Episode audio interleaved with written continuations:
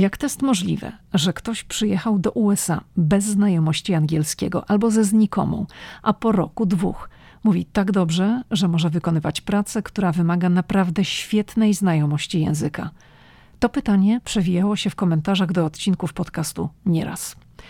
Postanowiłam więc nagrać odcinek, w którym przedstawię krótko program ESL English as a Second Language, który nazywany jest ESOL, dzięki któremu miliony osób nauczyły się w ten sposób angielskiego po przyjeździe do USA, a przede wszystkim zaprezentuję rozmowę z osobą, która taki program ukończyła. Setki amerykańskich instytucji edukacyjnych oferuje kursy angielskiego na różnych poziomach te kursy są płatne, lecz osoby w trudnej sytuacji materialnej mogą liczyć na dofinansowanie. Najpopularniejszymi rodzajami programów ESL oferowanymi w Stanach Zjednoczonych są Intensive English Programs lub American Language and Culture Programs.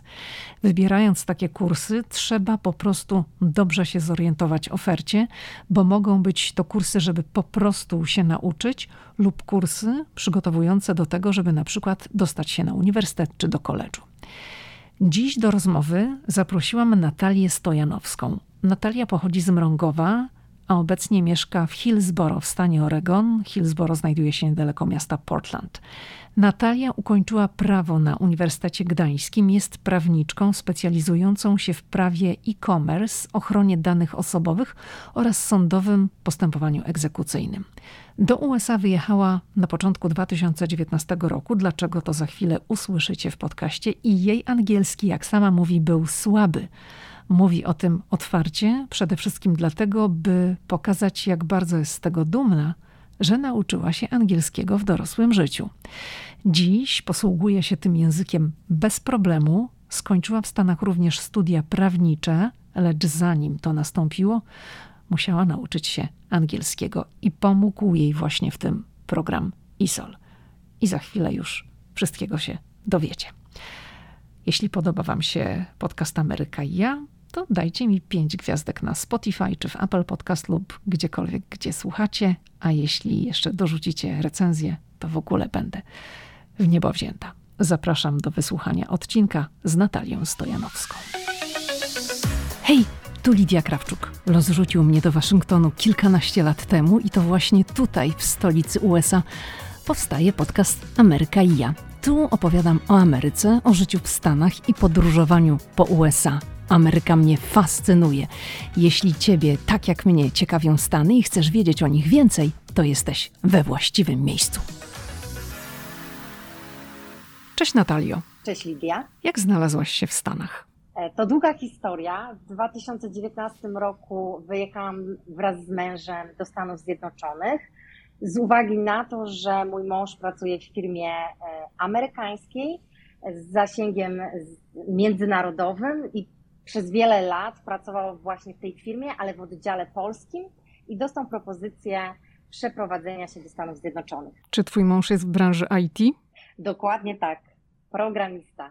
To podjęliście decyzję o wspólnej przeprowadzce. Zakładam, że dla twojego męża no to była powiedzmy prostsza decyzja niż dla ciebie, bo to już była jego kariera, która szła w jakimś tam konkretnym kierunku. Ty musiałaś no, podjąć dość trudną decyzję i zrobić pewien krok w tył, by móc w przyszłości robić krok do przodu. Powiedz, co było dla ciebie najtrudniejsze po przylocie do Stanów? Najtrudniejszy okazał się język angielski. Nigdy nie lubiłam języka angielskiego, nie używałam go ani w praktyce zawodowej, ani wcześniej. Zawsze ten angielski w moim życiu był taki poboczny. Wiedziałam, że muszę, muszę się go uczyć i uczyłam się go od podstawówki e, aż do studiów, nawet po studiach również chodziłam na zajęcia prywatne. Natomiast e, uczyłam się go tylko po to, żeby mieć coś wpisane w CV, że ten język angielski jest ale tak jak mówię, nie lubiłam go, wręcz panicznie bałam się języka angielskiego, zwłaszcza mówienia e, i unikałam też e, rozmów w tym języku. Czyli jak byś oceniła swoje zdolności językowe po, po przylocie do Stanów? Nie nazwałabym tego poziomem zerowym, natomiast rzeczywiście w ogóle nie mówiłam po angielsku, rozumiałam troszkę. To też trzeba tutaj zaznaczyć, że ten język native speakera, a język angielski, którego uczymy się w Polsce, on jest taki sam, ale troszkę inny, więc, więc ciężko mi było się przestawić. Ciężko było mi też zrozumieć te osoby, te osoby mówiły bardzo szybko. No i to spowodowało, że ja sama bałam się wychodzić z domu. Zawsze ten mój mąż, który bardzo dobrze mówi po angielsku, e, był obok mnie, no i mnie wspierał właśnie w takich sytuacjach trudnych, e, i, a nawet może inaczej, codziennych tak naprawdę, no bo e, dla zwykłego Kowalskiego, tutaj amerykańskiego, ja wyglądałam jak Amerykanka i te osoby mówiły do mnie szybko, zakładały, że ja ten język znam. E, no i jak wiemy, w Stanach Zjednoczonych osoby używają tego angielskiego w takich small talkach, jesteśmy zaczepiani na ulicy czasami, czasami jesteśmy zaczepiani e, w, w jakiejś galerii handlowej e, i to był dla mnie no, trudny okres.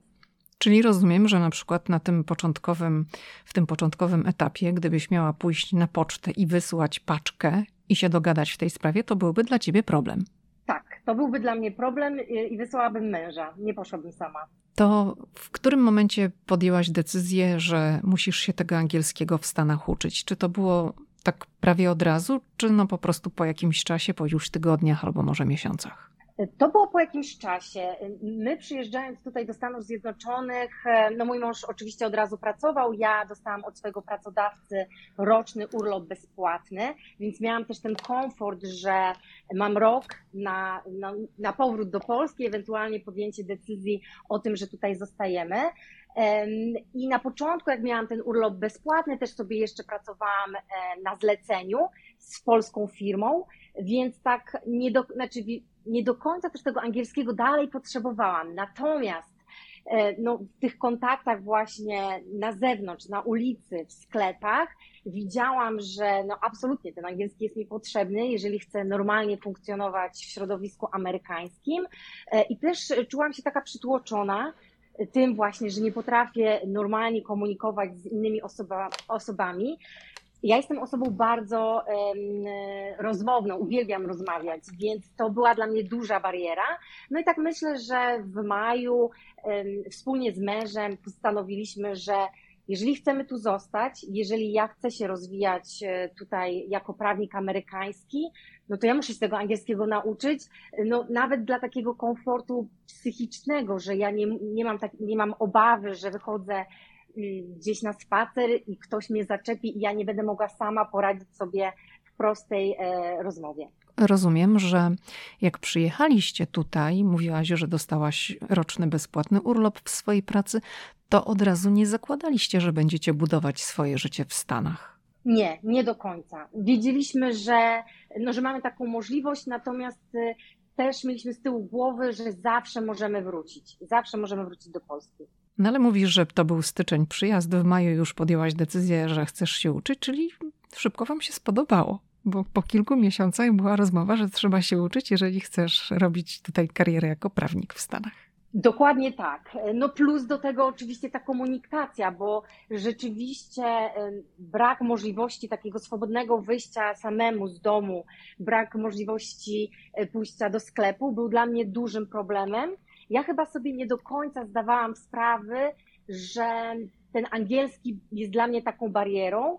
Być może zakładałam, tak sobie teraz myślę z perspektywy czasu, że no coś tam przecież się tego angielskiego uczyłam w Polsce, więc jakoś się go nauczę. Natomiast okazało się, jak tutaj przyjechałam, że no wszędzie, każdy mnie zaczepia, czy jak jestem w sklepie, czy jak jestem e, gdzieś e, tutaj w okolicy, na swoim osiedlu, e, tutaj, no musimy pamiętać, że Amerykanie są bardzo otwarci w tej takiej wstępnej rozmowie, w tych small talkach, więc no tu sąsiedzi mnie nawet zaczepiali. No chcieli wiedzieć, kim ty jesteś, co robi ta kobieta tutaj nowa. Dokładnie, dokładnie tak, a to mnie wręcz paraliżowało, że ja po prostu jak słyszałam, że cześć, skąd jesteś, co tu robisz, to no, miałam problem z taką swobodną komunikacją, w związku z tym, no absolutnie kwestia tego, że podjęliśmy decyzję, że idę na angielski, e, to była też decyzja, że jeżeli chcemy zostać, myślimy o tym, żebym została, no to muszę się tego angielskiego nauczyć, no ale też właśnie dla takiego komfortu psychicznego i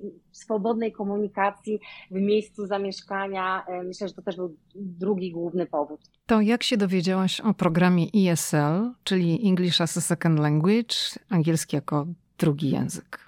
E, mój mąż e, pracuje, tak jak wspomniałam, w firmie zagranicznej, natomiast e, tutaj też są Polacy.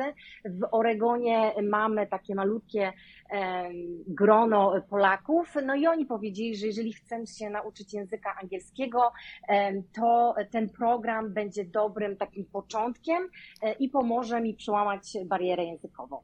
To podjęłaś decyzję, miałaś zapewne jakieś testy sprawdzające, jakiś test kwalifikujący cię do konkretnego poziomu? Jakaś opłata i tyle, czy coś jeszcze tam było? Tak, rzeczywiście był, był taki test sprawdzający. Trzeba było napisać 10 zdań o sobie i była krótka rozmowa. I na tej podstawie zakwalifikowano mnie do jednego z poziomów. E, ten program ISOL, ESOL, różnie nazywany w zależności od stanu. Czasami on jest nazywany po prostu English e, for Other Languages, czasami English for Speakers of Other Languages. To zależy. On ma 8 poziomów. E, ja zostałam zakwalifikowana na podstawie właśnie tego, co napisałam i tej mojej bardzo krótkiej rozmowy z, z nauczycielem na poziom czwarty e, i e, na samym początku płaciłam około 500 dolarów za trzy różne zajęcia. I teraz e, jest osiem poziomów języka angielskiego, tego nauczania. Pierwsze trzy poziomy to jest poziom, w którym nauka języka, tego czytania, pisania i komunikacji odbywa się na jednych zajęciach, a dopiero właśnie od poziomu czwartego to się dzieli. Czytanie jest osobno, pisanie jest osobno i komunikacja jest osobno. Więc ja sobie wzięłam zarówno wszystkie te trzy lekcje i za to płaciłam około 500 dolarów. Za jaki okres? To mm, za jakiś semestr, czy jak, tak, jak to, to było? Był, to, to jest za semestr i teraz tak, w Stanach Zjednoczonych w tym programie są cztery semestry ale zajęcia to jest około 10 tygodni, czyli bym powiedziała, że trochę to jest troszeczkę e, mniej niż 3 miesiące, e, jeden semestr i ja tych semestrów miałam 5, czyli uczyłam się od e, lata 2019 do lata 2020. To powiedz, jak często odbywały się te zajęcia? To było codziennie, czy ileś razy w tygodniu? Dwa razy w tygodniu zajęcia z każdego jakby przedmiotu. E, po półtorej godzinie. Ja starałam się zrobić tak, żeby mieć jednego dnia e, wszystkie zajęcia, czyli czytanie, pisanie i komunikacja. I tak to sobie przeplatałam, żeby na przykład we wtorki mieć zajęcia, w środę mieć wolne, w czwartek mieć zajęcia. E, to okazało się bardzo dobrą decyzją, ponieważ wbrew pozorom w Stanach Zjednoczonych zadają bardzo dużo pracy domowej. Naprawdę, bardzo. Tak, także tak naprawdę jeden dzień byłam w szkole, a jeden dzień spędzałam na odrabianiu prac domowych. To co musiałaś robić w ramach tej pracy domowej? To było pisanie? Pisanie pewnie głównie. E, nie tylko. Mieliśmy pisanie, mieliśmy nagrywanie, czyli na przykład musiałam się nagrywać, tak jak teraz mamy taką rozmowę, mhm. to musiałam nagrywać i nauczyciel oceniał naszą wymowę. Mieliśmy zadania z gramatyki, mieliśmy quizy, mieliśmy przygotowywanie prezentacji osobno, w grupach, uczyliśmy się wymowy z, tak, z tym alfabetem fonetycznym.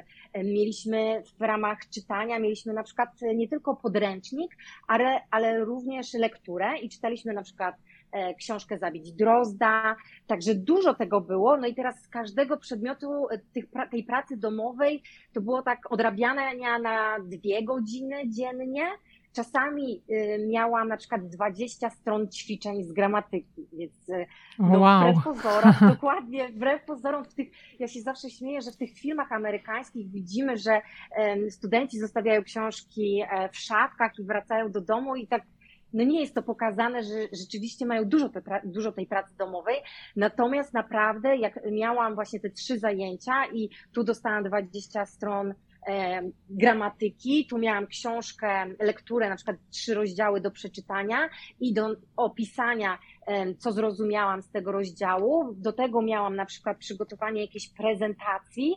E, no to okazywało się, że to e, no, cały tydzień przygotowań, e, bo wiadomo, trzeba było sobie jeszcze powtarzać, bo były klasówki, były testy połówkowe. Ten tak, tak by się mogło wydawać, że to z jednej strony 10 tygodni to jest dużo, ale przez to, że to było tylko 10 tygodni i to wykładowcy starali się bardzo dużo nas nauczyć w bardzo krótkich odstępach czasu. Czasami widziałam, że nie wiem, nie przyszłam na zajęcia, ponieważ miałam, no nie mogłam e, i przyszłam na kolejne, to widziałam, że, że mam te braki, że nie było mi na zajęciach, wykładowca coś powiedział e, i ja już tutaj e, jakby nie do końca rozumiałam, musiałam podpytywać. Także no, intensywny kurs. Tak patrzę teraz z perspektywy, myślę, że tak. Czyli byłaś w tym trybie tak ponad rok, bo mówiłaś, że ponad... miałaś pięć semestrów, tak? Ponad rok. Później jeszcze po e, tym programie wzięłam sobie jeden rok e, takiego kursu College Composition, który miał być takim okresem przejściowym pomiędzy właśnie e, programem dla obcokrajowców a studiami. Dobrze, to o tym porozmawiamy może troszeczkę później, bo chciałam jeszcze wrócić do tego początku. Przyszłaś mhm. na pierwsze zajęcia i co? E, no, zawsze e, dokładnie na każdych zajęciach zawsze jest jakby to samo. Zawsze pytają nas, e, albo musimy się przedstawić i powiedzieć, co robimy, dlaczego znaleźliśmy się w Stanach Zjednoczonych, dlaczego bierzemy dany kurs i co chcemy dzięki niemu osiągnąć. I to albo musieliśmy pisać, albo musieliśmy mówić. I ja zawsze mówiłam, że Jestem polskim prawnikiem, e, uczę się języka angielskiego, ponieważ chcę zostać e, prawnikiem amerykańskim. No i na samym początku, jak byłam na tym poziomie czwartym, gdzie no, miałam dużą barierę językową, to to się wydawać mogło e, no, no, trudne do osiągnięcia. E, no, natomiast teraz, jak mówię o tym, że jestem polskim prawnikiem, chcę zostać prawnikiem amerykańskim, e, no to już jak moi słuchacze e, to słyszą i znają moją historię, to no, jakby ten, ten cel, który chcę osiągnąć, nie jest już tak, tak trudny do osiągnięcia, nie jest już tak abstrakcyjny. Natalio, powiedziałaś dosyć dużo o tej pracy w domu, którą musiałaś wykonywać w ramach zajęć to powiedz, jak wyglądały lekcje same. Dobrze, więc e, to, to też było ciekawe, ponieważ e, pomimo tego, że byliśmy wszyscy osobami, które ma, miały po 18 lat lub więcej, wykładowcy uczyli nas takiej kultury mm, studenckiej, jak w normalnych szkołach. Czyli musieliśmy mieć segregatory, trzeba było mieć odpowiednie zeszyty. Zeszyty były w linię, w jedną linię. Nie można było mieć zeszytów w kratkę. Dlaczego? E, e, no bo tu nie ma takiej praktyki. E, jak przyniosłam zeszyt w kratkę, bo w Polsce mi jest było mi zawsze wygodniej pisać w kratkę, to nauczyciel powiedział, że nie, że mamy, że mamy pisać w jednej linii z odstępem, żeby on mógł nanosić ewentualnie poprawki.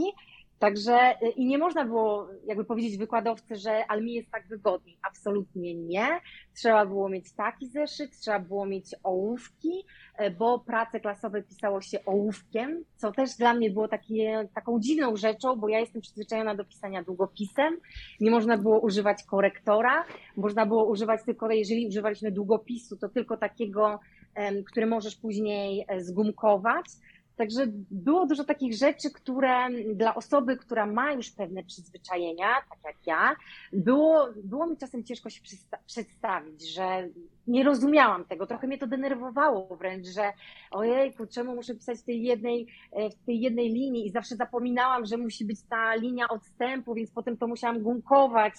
No, niby taka drobnostka, natomiast to powodowało taką pewną frustrację. No jeszcze w połączeniu z tym, że ten angielski był dla mnie e, wyzwaniem, no to, to było takie ciężkie. Wykładowca e, bardzo szybko zaczynał lekcję, czyli nie było tak jak w Polsce 15, to spóźnienie 15 minut studenckie, nie. Trzeba było być punkt na przykład 16, siedzieć w ławce, zaczynamy.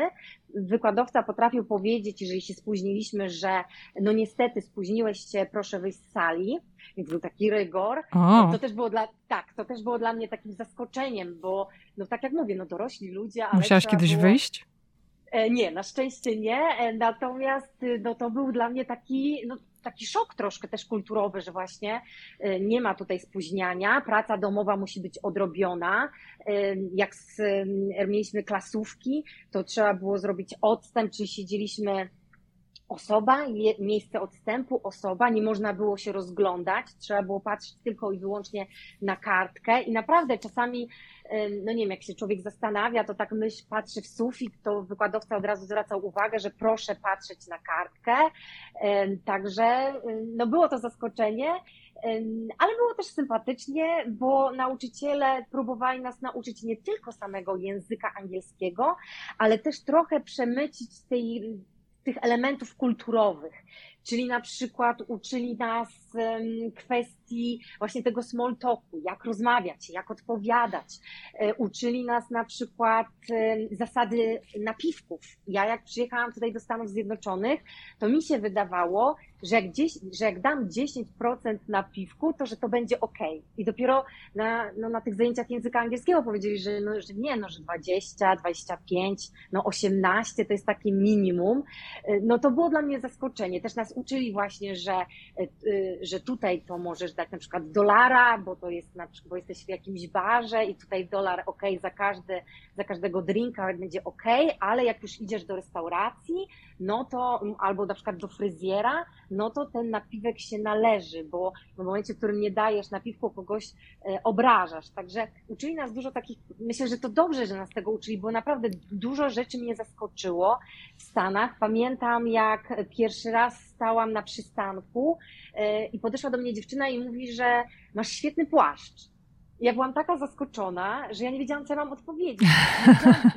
po prostu nie wiedziałam, czy ja mam odpowiedzieć po prostu dziękuję, czy to w tym, tej kulturze amerykańskiej ja powinnam również ją skomplementować. To, stanowi, to była taka dla mnie ciekawostka, czy jeżeli ja powiem bardzo dziękuję, to to wystarczy, czy jednak no, powinnam jakby się w jakiś sposób mm, no, odwdzięczyć, też powiedzieć, że też ma na przykład tu ładną kurtkę, więc no, to było, to było ciekawe. A nauczyłaś się już teraz sama mówić komplementy komuś?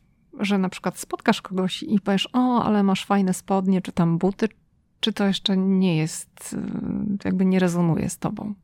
Nie, nie, rezon, re, nie rezonuje. Cały czas ma, czy podoba mi się, czasami mhm. się zastanawiam, czy powiedzieć, natomiast nie chcę um, tej osoby zaczepiać. Ja cały czas mam tą z tyłu głowy tą kulturą, kulturę polską, chociaż u nas też się zdarza, że i zdarzało mi się, że w Polsce ktoś mówił, ktoś mnie skomplementował, natomiast to nie było tak częste jak tutaj e, w Stanach. Więc mam jeszcze tak czasami, że a, może bym powiedziała. Natomiast wśród znajomych, jeżeli jesteśmy, to tam zawsze komplementuję, że super wyglądasz, super fryzura, świetny, świetny płaszcz, świetnie wyglądasz. Natomiast dla obcej osoby jeszcze nie, jeszcze się nie przełamałam. Powiedz Natalio, czy jak uczyłaś się w tej waszej sali, w której odbywały się zajęcia, to mieliście dostęp do takich nowoczesnych, technologicznych rozwiązań, czy tylko właśnie ta, ten zeszyt w linię i ołówek? Mieliśmy także zajęcia w sali komputerowej, gdzie rozwiązywaliśmy na przykład testy z czytania.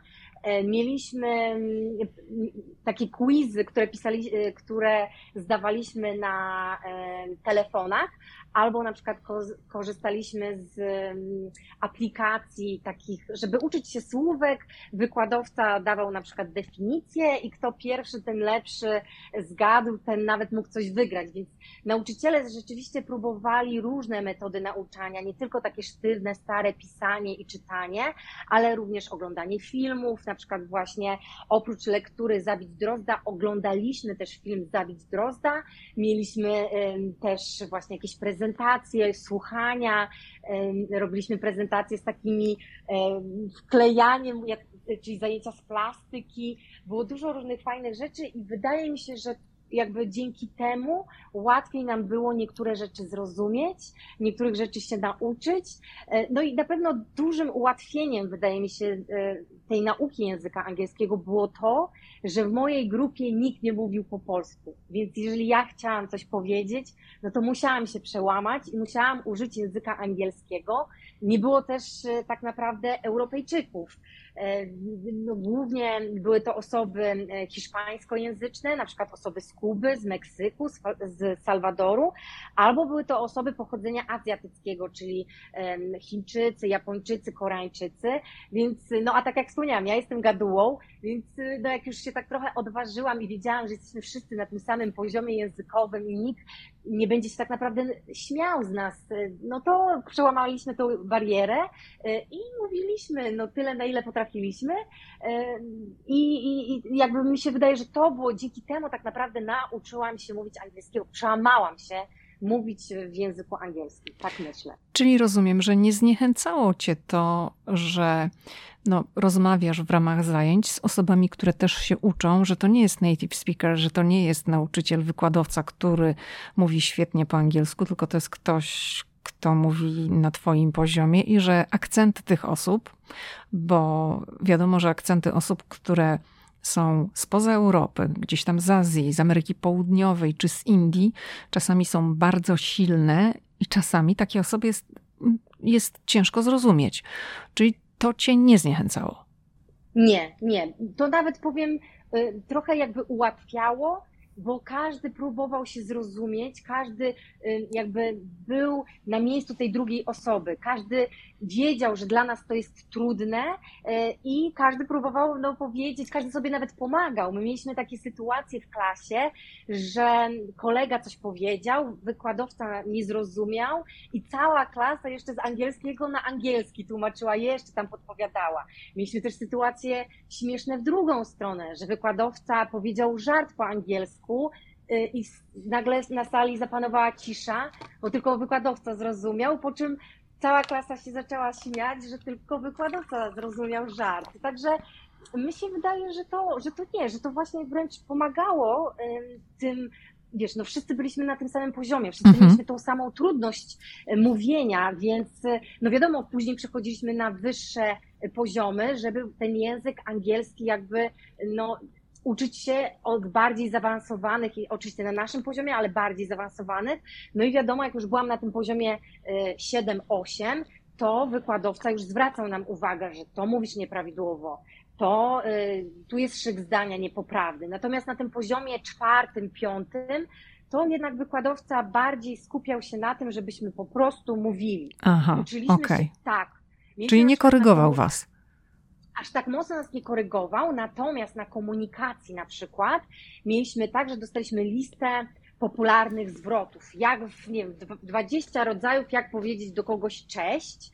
I potem za każdym razem, jak przychodziliśmy na te zajęcia, to wykładowca y, pytał nas, rozmawiał, mieliśmy małe grupy, kazał nam używać tych zwrotów, czyli tak naprawdę nie tylko nas uczył, to są zwroty i po prostu musicie je zapamiętać, tylko po prostu cały czas je powtarzaliśmy, żeby one niejako weszły w nawyk, że my mówimy to z automatu, że to nie jest dla nas coś obcego, więc to też nam bardzo, bardzo pomogło. Po jakim czasie nauki zaczęłaś zauważać, że robisz postępy? Czy to było szybko? Nie, to nie było szybko. Ja bym mogła nawet powiedzieć, że dopiero po e, zakończeniu tego programu, e, kiedy poszłam na studia, e, jakby uświadomiłam sobie, że mój poziom angielskiego jest taki, że poradzę sobie na studiach i z native speakerami. Jednak jak byłam cały czas na tym programie ISOL, no to cały czas miałam właśnie tą obawę, że przez to, że jestem z osobami, które, których angielski to nie jest e, pierwszy język, to że to jest ten problem, że ja rozumiem e, te osoby, natomiast native speakerzy mnie nie zrozumieją.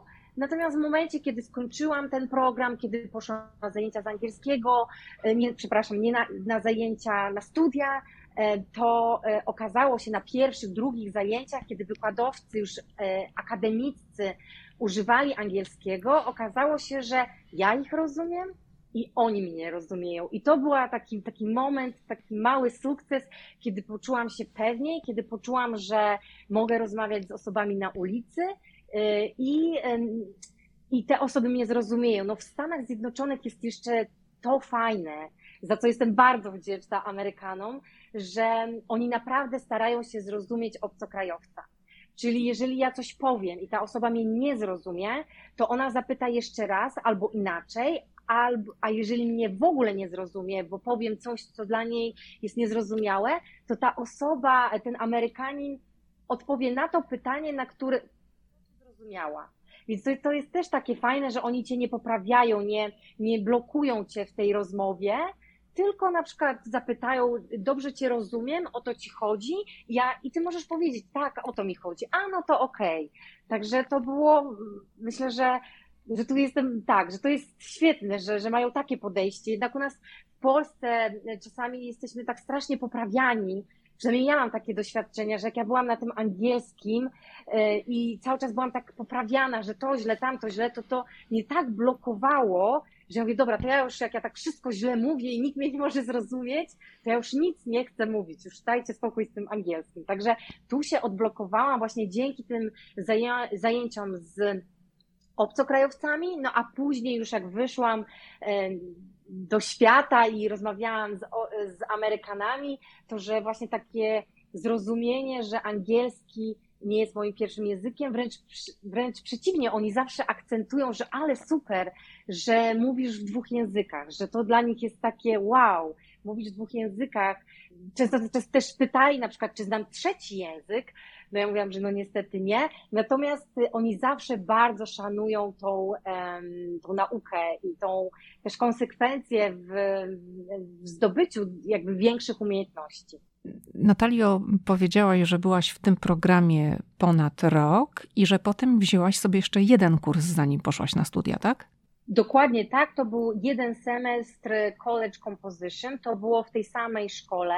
E, ja uczyłam się w Portland Community College w Hillsboro w stanie Oregon e, i to był taki kurs już dla osób, e, które są w koledżu. Ja zdecydowałam się, żeby wziąć ten program, ten kurs jeden, żeby właśnie sprawdzić, czy ten mój angielski jest na tyle wystarczający, że sobie poradzę na uniwersytecie. Tam już byłam jedyną osobą w tej klasie, byłam jedyną osobą, nie native speakerem. No i też bardzo dobrze pamiętam, y, Amerykanie, koledzy Amerykanie zawsze mi bardzo pomagali, zawsze rozumieli. Był nawet, tak, była taka sytuacja, że ja musiałam czytać fragment tekstu, bo zostałam poproszona y, o wykładowcę o przeczytanie tekstu, też bardzo ze zrozumieniem, super. Także no myślę, że to jest ważne, że, że mam, że czujesz takie wsparcie, że te osoby rozumieją, że to nie jest twój um, pierwszy język. No było świetnym doświadczeniem. Poradziłam sobie ten program College Composition głównie skupiał się na pisaniu, ale też mówiliśmy, natomiast to pisanie było dla mnie ważne z uwagi właśnie na prawo, bo jednak będąc prawnikiem bardzo dużo piszemy. A czy ty byłaś najstarszą osobą na tym kursie? No bo wiesz, y, często jak mówisz, że to są Amerykanie, to czy to były takie osoby, które skończyły na przykład szkołę średnią, czy jednak dorośli, którzy no, chcieli podnieść swoje kwalifikacje i, i robili te kursy? Nie, to były bardzo młode osoby. Ja byłam, myślę, w wieku wykładowcy. Aha, czyli byłaś najstarsza, tak? Byłam najstarsza, czasami śmiałam. Mhm, dlatego zapytałam. Mhm. To też było ciekawe doświadczenie, jak rozmawialiśmy na temat e, poglądów, e, na przykład poglądów politycznych, albo rozmawialiśmy o tym, jak się czujemy, bo ja byłam w okresie, już ten college composition robiłam e, w czasie pandemii, więc my te zajęcia już mieliśmy online i Amerykanie, wykładowcy pytali, jak my się z tym czujemy, czy dajemy sobie radę, czy czujemy jakieś takie, mamy emocje depresyjne, bo to jest w Stanach Zjednoczonych bardzo ważne, bardzo mocno się jakby akcentuje i pyta o te emocje. I pamiętam, że no ja powiedziałam, że dla mnie to nie sprawia żadnego problemu, że ja już wcześniej pracowałam właśnie zdalnie, w związku z tym dla mnie to jest wszystko ok. Natomiast te, te, młode osoby, jak się dzieliły swoim doświadczeniem, że to jest dla nich trudne, że nie wiem, w domu są trzy, cztery osoby, które uczą się w tym samym czasie, że mają na przykład jeden czy dwa tylko komputery, w związku z tym część osób się łączy na przykład z telefonu, e, no to, to było i też właśnie te poglądy, że my z wykładowcą raczej takie inne poglądy niż te młode osoby też troszeczkę inne, także ciekawe doświadczenie, bo można było się też czegoś nauczyć. Nie tyle właśnie po pierwsze od młodego, młodszego pokolenia, a drugie od tego pokolenia z takim innym backgroundem pokoleniowym, że takim kulturowym, że oni też mają troszkę inne podejście niż myślę młodzież polska. A czułaś, że wykładowca traktuje cię właśnie może troszeczkę inaczej przez to, że jesteś na, in, na innym etapie życia, masz inne doświadczenie i no jesteś starsza, a poza tym nie jesteś stąd. Wiesz co, troszkę tak. Troszkę rzeczywiście myślę, że, że czułam, że może nie, że byłam jakoś bardzo mocno łagodniej traktowana, bo wykładowca od razu zapytał mnie, dlaczego biorę ten e, program, więc wiedział, że chcę iść na studia, więc wiedział, że to jest dla mnie ważne, żeby on mnie ocenił sprawiedliwie. Natomiast e, jak pisałam na przykład prace domowe e, i przedstawiałam na przykład swój pogląd, bo jedną z prac pisemnych pisałam o szklanym suficie i o Kamali Harris pisałam i czułam, że jak została ta praca pierwszy raz oceniona, bo mieliśmy możliwość później poprawienia, to że mm, te moje poglądy niekoniecznie są takie same jak poglądy powiedzmy e, tutaj Amerykanów, no to absolutnie wynikało oczywiście z, z tego, z mojego pochodzenia. E, no ale na przykład wykładowca wtedy zaznaczał, że słuchaj, poczytaj jeszcze tu, a poczytaj to, a tutaj zastanów się, czy chcesz się no, w ten sposób wyrazić swoją myśl. No my musimy pamiętać także, że polski jest językiem takim bardziej, taki bardziej bezpośredni, Czyli na przykład mówimy, ja tego nie lubię, to mi się nie podoba. W Stanach Zjednoczonych, przynajmniej z mojego doświadczenia, ten angielski jest bardziej taki uprzejmy, czyli zanim powiemy, to mi się nie podoba, ja się z tobą nie zgadzam, jest taki wstęp łagodny. E, I ja miałam, pamiętam, doświadczenia właśnie z, tym bez, tą bezpośredniością, e, bo kiedyś na właśnie na tym programie ISOL wykładowca się zapytał, czy ktoś ma jeszcze coś do powiedzenia, czy ktoś się z tym nie zgadza. I ja po prostu podniosłam rękę i powiedziałam, ja się z tym nie zgadzam. I pamiętam, poczułam, jak cała klasa się na mnie patrzy, że ja to ujęłam w taki bardzo bezpośredni sposób, że powiedziałam to w taki no nawet y, trochę nie, nieuprzejmy sposób. Mhm. Teraz już nie, teraz już wiem, już że... Już tego nie zrobiła. Teraz już bym tego nie zrobiła i już wiem, że trzeba powiedzieć. To jest też fajne doświadczenie, bo to mi też pomogło w takiej nawet polskiej komunikacji. Jak komuś przekazuję jakąś informację, to ja już wiem, że najpierw muszę inaczej trochę to ująć, że każdy z nas ma inny poziom wrażliwości, że to w jaki sposób ja na przykład mówię, że to mi się nie podoba, to źle zrobiłeś, to że ja mogę kogoś urazić, bo on może pomyśleć, że ja mam jakby, że to, jak, w jaki sposób zwracam mu uwagę, że ja mam do niego pretensje, a nie do jego pracy, że mi się nie podoba jego praca, a nie on sam. W związku z tym ja się też nauczyłam, żeby mówić, słuchaj, świetnie to zrobiłeś, uważam, że bardzo się napracowałeś. Ale... Natomiast ale właśnie, natomiast tutaj wiesz, to jest kilka rzeczy do poprawy. Ale pamiętam, jak to było też dla mnie trudne, to też mhm. ciekawostka. Pamiętam, jak wykładowca właśnie na tym programie um, kazał nam napisać pracę domową, to był esej, no i wykładowca z każdą osobą omawiał ten esej. No i ja podeszłam i wykładowca mówi tak, Natalia, świetnie, jestem, no przepiękny esej. Dawno już takiego nie czytałem. Widać, że się napracowałaś. Widać, że czytałaś. Widać, że tutaj był jakiś research. Natomiast słuchaj, tu masz do poprawy, to masz do poprawy. Jak on mi to mówił najpierw, że to jest super ekstra, to ja myślałam, że to jest A, czyli piątka, a on mi mówi, i to będzie na C minus. Więc ja byłam w takim trochę szoku, że tutaj taka świetna praca, bo jednak polscy wykładowcy, polscy nauczyciele by powiedzieli, słuchaj Natalia, to jest do poprawy, to jest do poprawy, widać, że się postarałaś, natomiast no tutaj są braki i to jest na, nie na 3 plus, na 3 minus, a tutaj no pamiętam, że ten właśnie ta informacja zwrotna była taka inna, że tu super i ja tak urosłam, to się, kurczę, to ten mój angielski to już jest super i nagle on mi mówi, że to jest C minus. No tak, no bo najpierw jest marchewka, a potem jest kij. Dokładnie tak. A jeszcze chciałam zapytać, bo zaintrygowała mnie ta kwestia przebijania szklanego sufitu i Kamali Harris. Czy to było z twojej strony, powiedziałaś, czy napisałaś coś takiego niepoprawnego politycznie? O co tam chodziło? Ja ujęłam to w taki sposób, że, mm, że to jest na pewno jeden z ważnych elementów w historii e, nie tylko Stanów Zjednoczonych, ale całego świata.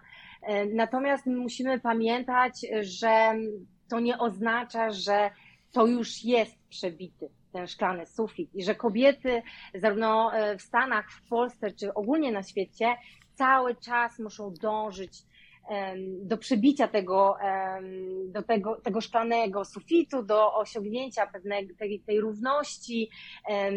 Musimy walczyć z dyskryminacją zawodową, a jednak musimy pamiętać, że w Stanach Zjednoczonych bardzo mocno zwraca się uwagę, uwagę na sukces i celebruje się te małe momenty.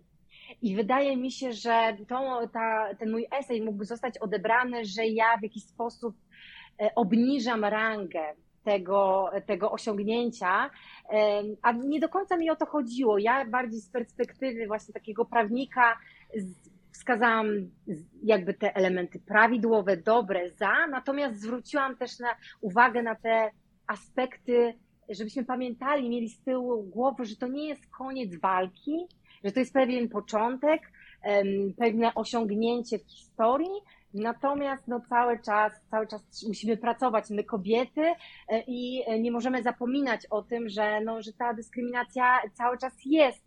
E, no i tak mi się wydaje, że, że no, tak jak mówię, no, ja też cały czas bardzo często piszę w bardzo takim bezpośrednim językiem, więc a to trzeba jednak używać tego, tej marchewki i później jednak napisać że a tutaj jeszcze może trzeba zastanowić się, czy to rzeczywiście był przebity szklany sufit, czy jednak, czy jednak, czy, jak, czy jednak nie. Także no to było też, to też było dla mnie zaskoczenie, ale też bardzo podobała mi się metoda, w jaki sposób wykładowca przekazał mi tą informację zwrotną. To nie było tak, że mi powiedział, że źle napisałam, albo że on się absolutnie nie zgadza z moim poglądem, nie, wręcz przeciwnie, właśnie powiedział, że bardzo ciekawe i trochę inne, e, inny pogląd niż on sam ma.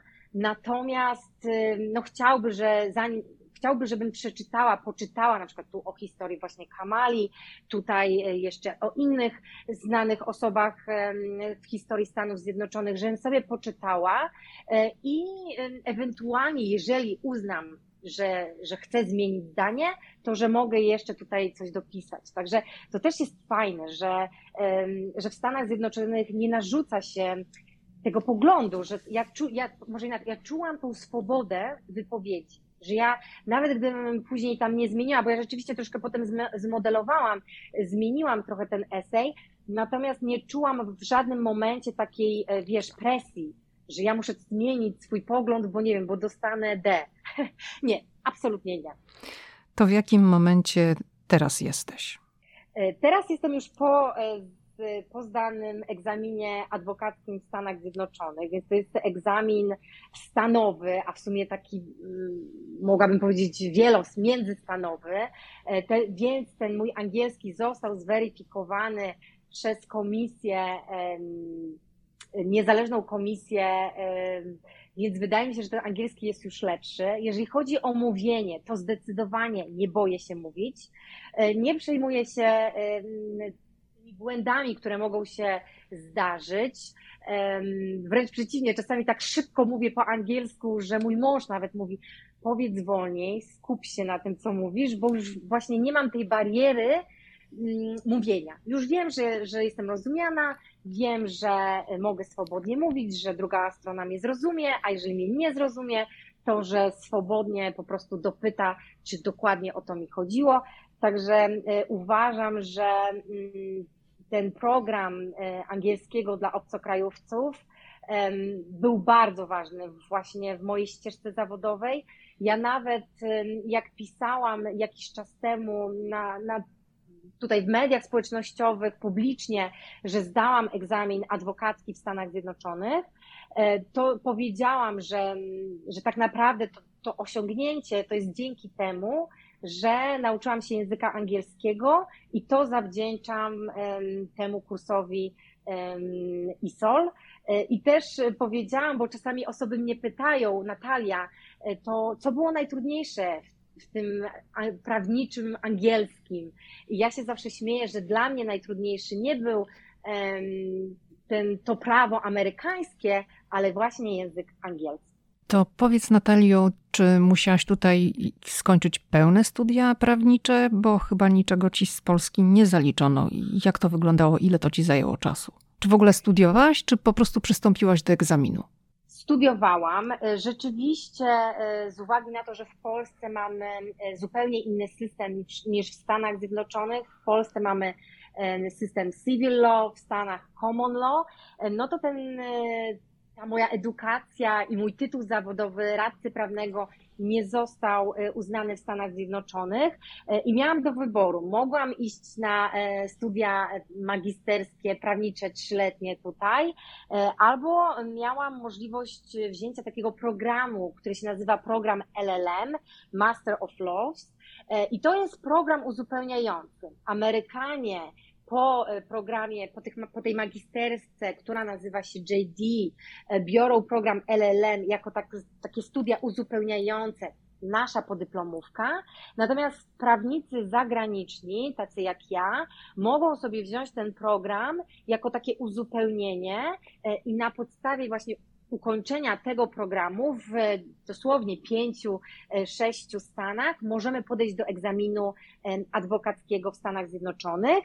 E, I ja uczyłam się w Oregonie, natomiast egzamin, do egzaminu podchodziłam w stanie Waszyngton.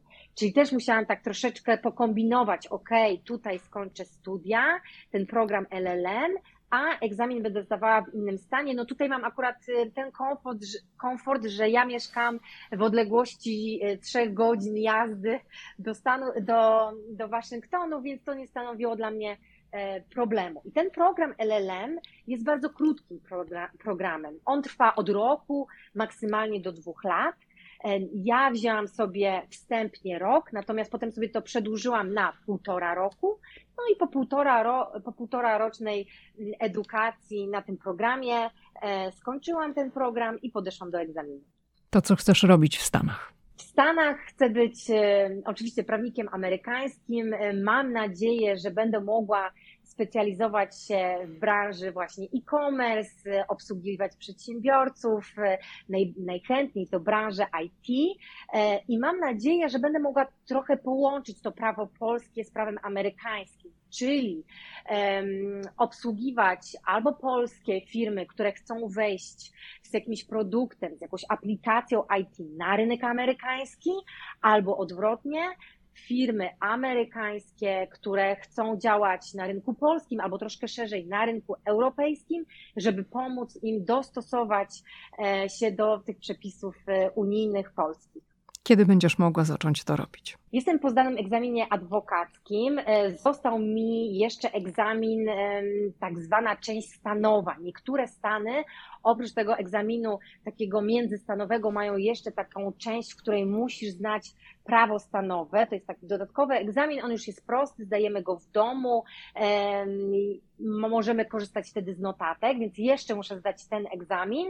No i muszę jeszcze uzyskać pozwolenie na pracę. E, ja jestem na etapie obecnie e, uzyskiwania zielonej karty, w związku z tym no cały czas jeszcze troszeczkę czekamy e, z moim mężem, no ale mam nadzieję, że no w przyszłym roku, że już będę mogła powiedzieć, że jestem prawnikiem amerykańskim. Natalio, poszłaś jak burza.